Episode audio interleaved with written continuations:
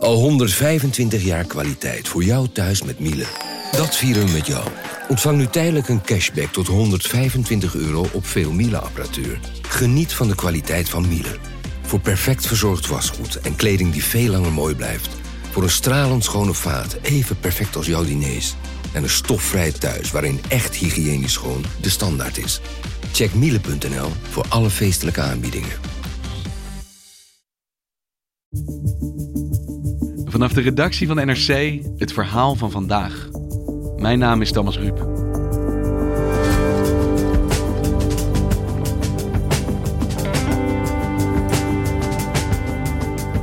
Albanië is druk bezig met het opschonen van zijn door en door corrupte rechtspraak. Tientallen rechters verloren de afgelopen maanden hun baan of namen uit voorzorg ontslag. Bij de Hoge Raad werkt er nog maar één, met ruim 31.000 onbehandelde zaken op zijn bureau. En het einddoel, lidmaatschap van de EU, lijkt nog geen stap dichterbij.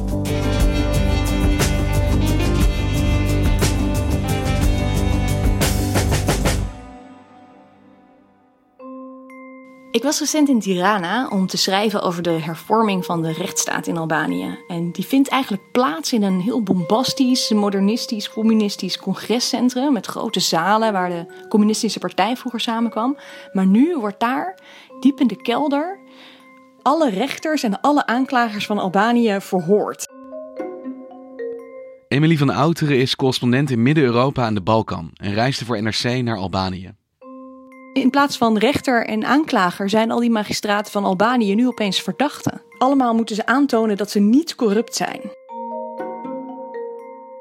Ik ben uh, bij verschillende zaken aanwezig geweest, maar de meest interessante was van een uh, bestuursrechter, hele ervaren man, een meneer Castriot Celita. Het was een vrij stevige grote man. Uh, rechter zijn is, is natuurlijk een positie van aanzien. Uh, maar hier ja, verschrompelde hij een beetje. En uh, dus zo is er een klacht tegen hem geweest van uh, andere rechters dat hij een partner van een politicus bevoordeeld zou hebben in een oude zaak. En daar wordt die hele oude zaak uitgeplozen. En wat ook heel interessant was, is hij is uh, getrouwd, gescheiden en weer getrouwd. En zijn huidige vrouw, al haar financiën werden ook uitgeplozen, zelfs op het moment dat ze nog helemaal niet met elkaar getrouwd waren. En dan moest hij maar laten zien van nou uh, meneer, waarom heeft uw vrouw een huis verkocht voor een prijs die helemaal niet realistisch is op basis van het aantal vierkante meters. Ja, dat gaat echt heel ver.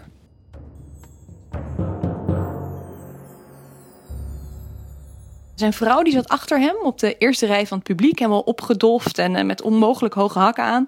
En toen zij ter sprake kwam en haar financiën, en zelfs die van haar vader, begon ze heel driftig te zuchten en geërgerd te reageren. Uh, want ja, het is natuurlijk één ding dat de rechterlijke macht door de mangel wordt gehaald, maar ook partners, kinderen, schoonouders, iedereen's financiën liggen op tafel. Deze hele actie is mede bedoeld om uh, de bevolking van Albanië nieuw vertrouwen te geven in hun rechterlijke macht. Die is corrupt, dat is die is aantoonbaar corrupt. Het vertrouwen is heel laag, maar die wordt opgeschoond, wordt vernieuwd, zodat mensen weer vertrouwen zullen hebben. En deze Castriot Celita is dus niet de enige magistraat die uh, op deze manier onderzocht werd. Nee, allemaal. allemaal. Er zijn, uh, Albanië heeft ongeveer 3 miljoen inwoners en 738 magistraten worden op deze manier uh, verhoord. En op het moment dat je niet door zo'n ja, lakmoesproef heen komt, wat gebeurt er dan? Ontslag, op staande voet. Je bent van de een op de andere dag uh, ben je je baan kwijt. Want hoeveel mensen zijn er weggestuurd dan na dit soort onderzoeken? Ja, ze zijn dus midden in het proces. Uh, tot nu toe zijn er 136 mensen opgeroepen voor zo'n verhoor. Waarvan er 17 dachten, nou, toedeledokie, ik neem eerst ontslag, want ik wil dit helemaal deze publieke vernedering niet aangaan. Dus er is een soort ja, natuurlijke leegloop. Dan, je kan er toch misschien wel van uitgaan dat die mensen dat doen omdat ze denken dat ze de screening niet door zouden komen. Er zijn er 62 om grote of kleine zaken afgewezen en 57 mochten blijven. Dus 60%, bijna 60% wordt niet geschikt bevonden om rechter of aanklager te zijn in het Albanië van 2019. Dus dat is een gigantische opschoning van het rechtssysteem. Wat is de reden daarvoor? Nou ja, de reden is natuurlijk, zegt iedereen die je daar spreekt, omdat we graag willen dat Albanië geen corrupt land meer is. Maar de echte reden is eigenlijk dat ze heel graag bij de Europese Unie willen.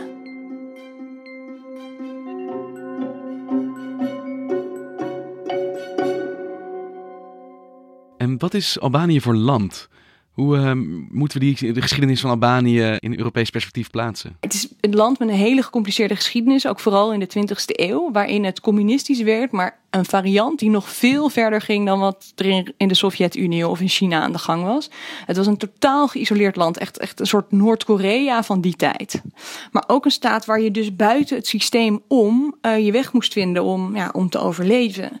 En dat is natuurlijk dat is iets wat nog steeds stand houdt. Dat mensen buiten het systeem om, dus door de rechter zelf even te betalen, uh, proberen hun zaakjes te regelen. En toen dat, nadat de muur was gevallen en andere communistische regimes vielen, uh, ook een democratie werd, hebben ze de rechters ontslagen. Maar om nieuwe rechters te krijgen, kon je ja, met een soort veredelde LOE-cursus van zes maanden kon je rechter worden. En dat was natuurlijk vaak zo dat dat dan mensen waren uit de gemeenschap die slim genoeg waren, maar ook uh, ja, misschien niet per se uh, zouden slagen voor het integriteitsstukje van de cursus. Je ziet ook dat veel mensen die nu verhoord worden en het niet redden, ook juist in die periode, in die vroege jaren negentig, uh, in dat juridisch apparaat terecht zijn gekomen. Want op welke manier zijn ze dan begonnen met schoon schip maken? Hoe werkt dat? Nou, Albanië heeft in 2009 gezegd tegen de Europese Unie: jongens, we willen er graag bij. When do you think is realistic for Albania to join the European Union? We made a lot of progress, but uh, there is still a lot to do, and uh, I very much hope that uh, within the next uh, 10 years, this ambition will be uh, accomplished and Albania will be full member of uh, the European Union. En toen zijn er allemaal een beetje halfhartige maatregelen genomen. En in 2016 is uh, onder druk van de Europese Unie en ook een toen nog hele sterke ambassadeur van de Verenigde Staten uh, gezorgd dat een derde van de grondwet herschreven is. Dus eigenlijk alles wat over de rechtsstaat gaat in de grondwet is aangepast. En zo proberen ze de politieke invloed op de rechtspraak helemaal uit te bannen en opnieuw te beginnen. Uh, maar ja, om dat voor elkaar te krijgen, moet dan eerst die rechtspraak helemaal worden opgeschoond. Dus dat is een enorm uh, ingrijpende verandering. En ze zijn dus nu begonnen met ja, dus die rechtspraak opnieuw inrichten. Want hoe gaat dat dan eigenlijk? Schiet dat een beetje op? Nou ja, sommige mensen vinden dat het dus te hard opschiet. Dat er echt op een beetje onmenselijke manier met die rechters en aanklagers wordt omgegaan. En het directe gevolg is dat er nu geen rechters zijn op de belangrijkste plekken. Ze vegen de trap van bovenaf schoon. Dus het Constitutioneel Hof, de Hoge Raad, daar zijn gewoon geen rechters. De rechtspraak functioneert op dit moment niet in Albanië.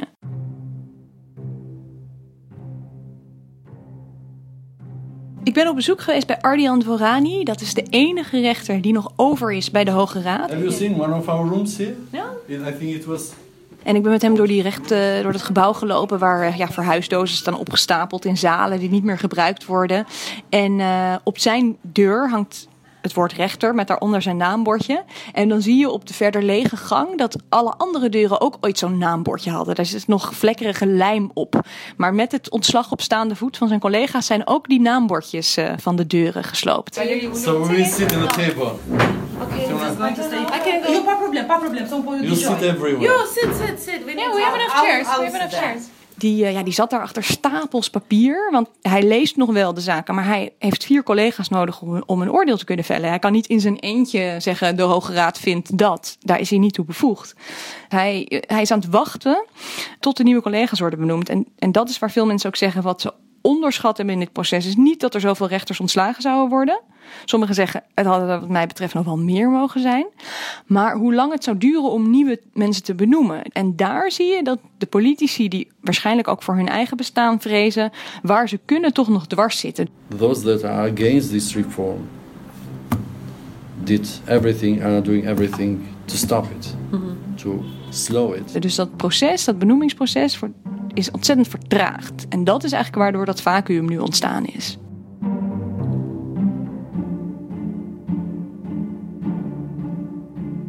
Want ze zijn met een kettingzaag dus door de rechtspraak gegaan. En ze hebben iedereen eruit gegooid die niet aan die nieuwe eisen voldoet. Maar ze hebben dus geen nieuwe mensen om die plekken op te vullen. Nee, het, het hout, de hamer en de spijkers voor de nieuwe rechtsstaat... die worden nog uh, vastgehouden door politici. Uh, en daar moet het nog uit de handen gefrikt worden... Voordat ze, voordat ze echt iets nieuws kunnen opbouwen. En hij is dus de enige van al die hoge rechters die corruptievrij is gebleven. Hoe verklaart hij dat dan? Waarom is het hem dan wel gelukt en zijn al zijn collega's uh, toch de fout ingegaan? Hij zei ten eerste, je gaat altijd over, over je eigen stem. Dus er zijn allerlei oordelen terug te vinden van de Hoge Raad. Met één dissidente stem daarin. En dat was dan die van hem. En ten tweede zei hij, ja, als je kiest voor de publieke zaak, als je ervoor kiest om als, als ambtenaar, als rechter je land te dienen, dan kan je er niet ook een heel ruim sociaal leven op nahouden waar je misschien met allerlei corrupte lui in aanraking komt. Ik ga nooit naar een café waar ik de eigenaar niet van ken. Ik ga niet op vakantie naar de kust van, uh, van Albanië, want daar zitten allemaal criminelen in vastgoed en in alles eh, die ik een keer veroordeeld heb of die, wiens zaak ik voorbij heb zien komen. Ik wil er gewoon, ik, ik, ik rij elke dag in mijn bescheiden auto naar mijn bescheiden appartement. En verder ja, staat hij dus een beetje buiten het sociale leven van Albanië om er maar niet mee besmet te raken. Eh, dus ja, hij komt gewoon echt uh, plichtsgetrouw elke dag naar zijn werk. En hij probeert zaken zo goed mogelijk voor te bereiden. Dat zodra die nieuwe rechters benoemd zijn, en dat zou een kwestie van maanden moeten zijn, dat ze dan meteen heel snel de achterstand kunnen wegwerken. En die achterstand is op dit moment bijna 32.000 zaken.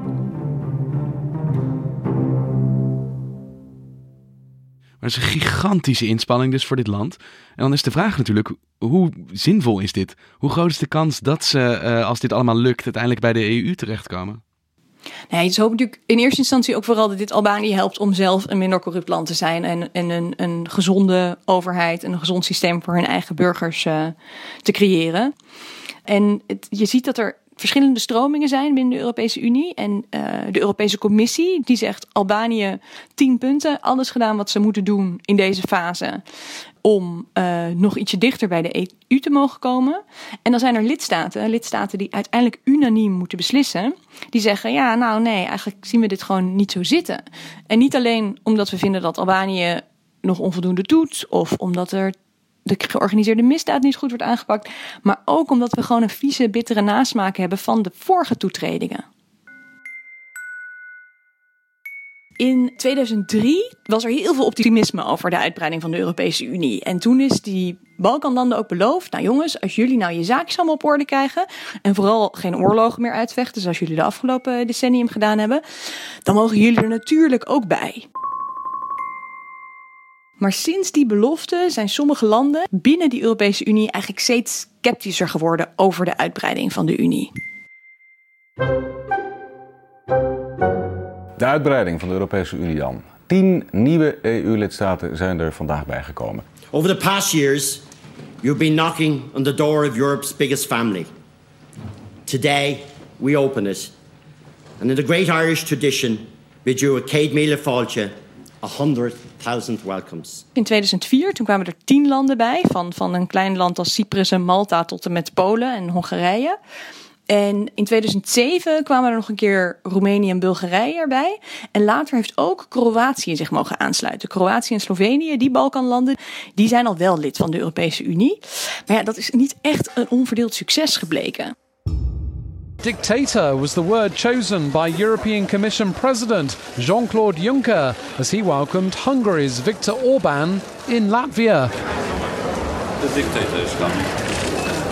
Dictator. Je ziet bijvoorbeeld in Hongarije, waar Viktor Orban aan de macht is, dat hij echt de rechtsstaat uitholt, onafhankelijke media kapot maakt. Uh, Roemenië en Bulgarije, landen die voordat ze lid werden, zeiden: Nou jongens, we zijn hier ontzettend voortvarend de corruptie aan het aanpakken. Die zijn gewoon weer helemaal ingesukkeld nadat ze lid werden.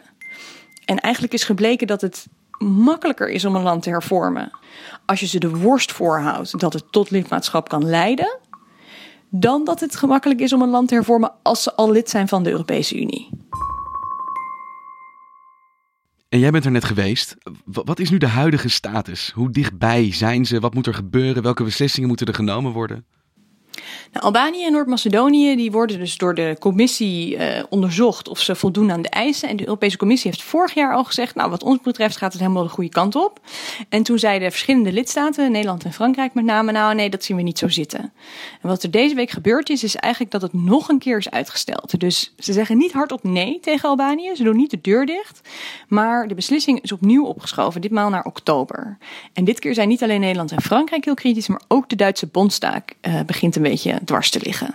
Een paar lidstaten vinden net als Nederland dat het openen van toetredingsonderhandelingen met Albanië prematuur is. Overigens heeft het kabinet grote waardering voor de stappen die Albanië uh, heeft gezet in het afgelopen jaar. Uh, maar Albanië moet echt meer werk maken, benadrukken wij uh, bij de bestrijding van corruptie en georganiseerde misdaad. En wij vinden dus niet dat uh, nu toetredingsonderhandelingen met Albanië van start kunnen gaan. Maar wel waardering voor stappen die gezet zijn. Ik denk ook dat er Nederlandse politici zijn in de Tweede Kamer. Als je die vraagt, vind je dat er, wat vind je dat Balkanlanden moeten doen om te mogen toetreden tot de EU? Dat sommigen zullen zeggen, ze kunnen hoog en laag springen, maar het gaat niet gebeuren. We willen op dit moment geen uitbreiding van de Europese Unie. Maar goed, in Albanië zeggen ze ook, maar we vragen niet om nu toe te treden tot de, tot de Europese Unie. Wat wij vragen is om ons net zo te erkennen als jullie Servië en Montenegro en zelfs ook nog Turkije uh, doen. Dat zijn landen die zijn in concrete onderhandeling met de Europese Unie over ooit in de toekomst mogelijke toetreding. Mogen wij alsjeblieft in de wachtkamer? Dat is wat de Albanese op dit moment vragen. We don't want uh, anything else, just open negotiations. And uh, for Europe costs nothing. There's no one cent. They'll pay for it. For us, it's a matter of life and death in the sense that we it, opening negotiations. It means that we are finally in the future, and we are finally out of the past. En hoe wordt er in Albanië op gereageerd op deze weerstand? Is daar een toekomstbeeld waar de EU geen onderdeel van is? Ja, die Albanese zien gewoon eigenlijk niet zoveel alternatieven. Ze dreigen er wel een beetje mee. Er wordt wel gezegd door leiders van Albanië en Noord-Macedonië van als de EU ons niet accepteert, dan kunnen wij niets anders dan hier meer uh, Turkse, Chinese, Russische invloed toelaten. It's about uh, a very important piece of the puzzle because an area that should not be uh, left as an open space for other actors that may not be very keen to um, see the European Union uh, progress and prosper. Maar feitelijk ja, zijn die landen toch ook daarvoor een beetje te klein en te marginaal. Ze zullen niet onderdeel van een ander blok gaan uitmaken. Dus het, het, alternatief is dat ze een beetje blijven zweven aan de marge van de Europese Unie, ingeklemd tussen Griekenland en Kroatië. Wat heel bijzonder ook aan dit proces is, dat iedereen hardop zegt: dit is een experiment. Albanië is hier een beetje het broddellapje van de Europese Unie. Dus wat ze eerder in Polen en Hongarije hebben gedaan ter vorme van de rechtsstaat, nou, dat is gelukt maar niet stabiel gebleken. Wat ze eerder in Bulgarije en Roemenië hebben gedaan, corruptie uitbannen, bleek niet te werken.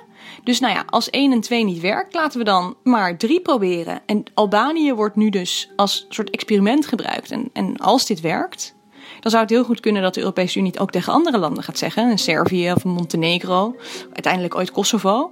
Zoals Albanië de rechtsstaat gehervormd heeft, dat moeten jullie ook gaan doen. Aan de andere kant, een experiment kan natuurlijk ook altijd mislukken.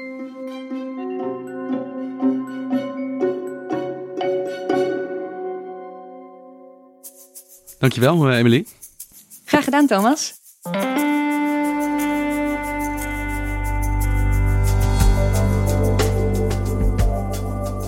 Je luisterde naar vandaag, een podcast van NRC. Eén verhaal, elke dag. Dit was vandaag, morgen weer.